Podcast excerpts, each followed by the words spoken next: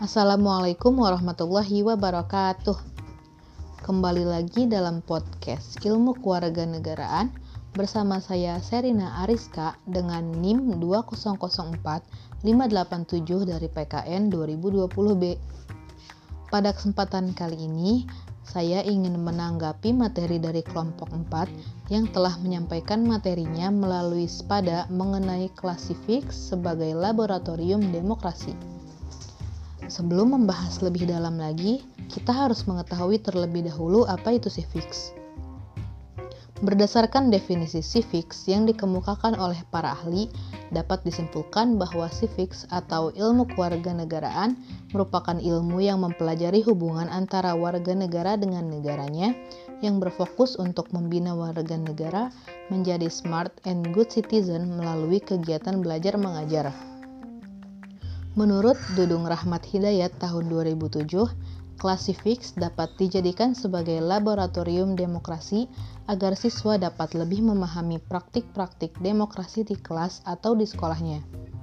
Dalam proses pembelajaran, terutama pada pelajaran PKN, siswa diharapkan untuk mengembangkan sikap demokrasi dalam melakukan aktivitas di kelas yang berlandaskan pada Pancasila dan Undang-Undang Dasar 1945 baik dengan sesama teman maupun dengan guru.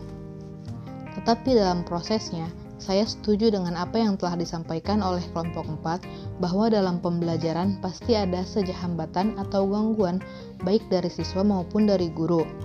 Misalnya, ada saja siswa yang enggan untuk berbicara atau berpendapat karena ia merasa takut salah ketika ia mengemukakan pendapatnya. Selain itu, ada juga hambatan lain, yaitu perilaku siswa yang tidak terkendali di dalam kelas, siswa yang cenderung bosan, dan lain sebagainya. Berdasarkan dari hambatan-hambatan yang dijumpai dalam pembelajaran civics yang menjadi laboratorium demokrasi, ada beberapa upaya yang dapat dilakukan baik dari pihak siswa maupun guru. Di antaranya, Siswa diharapkan untuk aktif mencari informasi dari berbagai sumber mengenai demokrasi dan kemudian dapat mendiskusikannya dengan sesama teman atau kepada guru. Dalam hal ini, guru juga harus lebih kreatif dan inovatif dalam membuat dan mengaplikasikan demokrasi dalam pembelajaran. Selain itu, guru juga diharapkan memiliki sikap yang demokratis sehingga dapat menjadi contoh bagi siswa. Mungkin itu saja yang dapat saya sampaikan.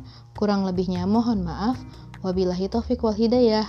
Wassalamualaikum warahmatullahi wabarakatuh.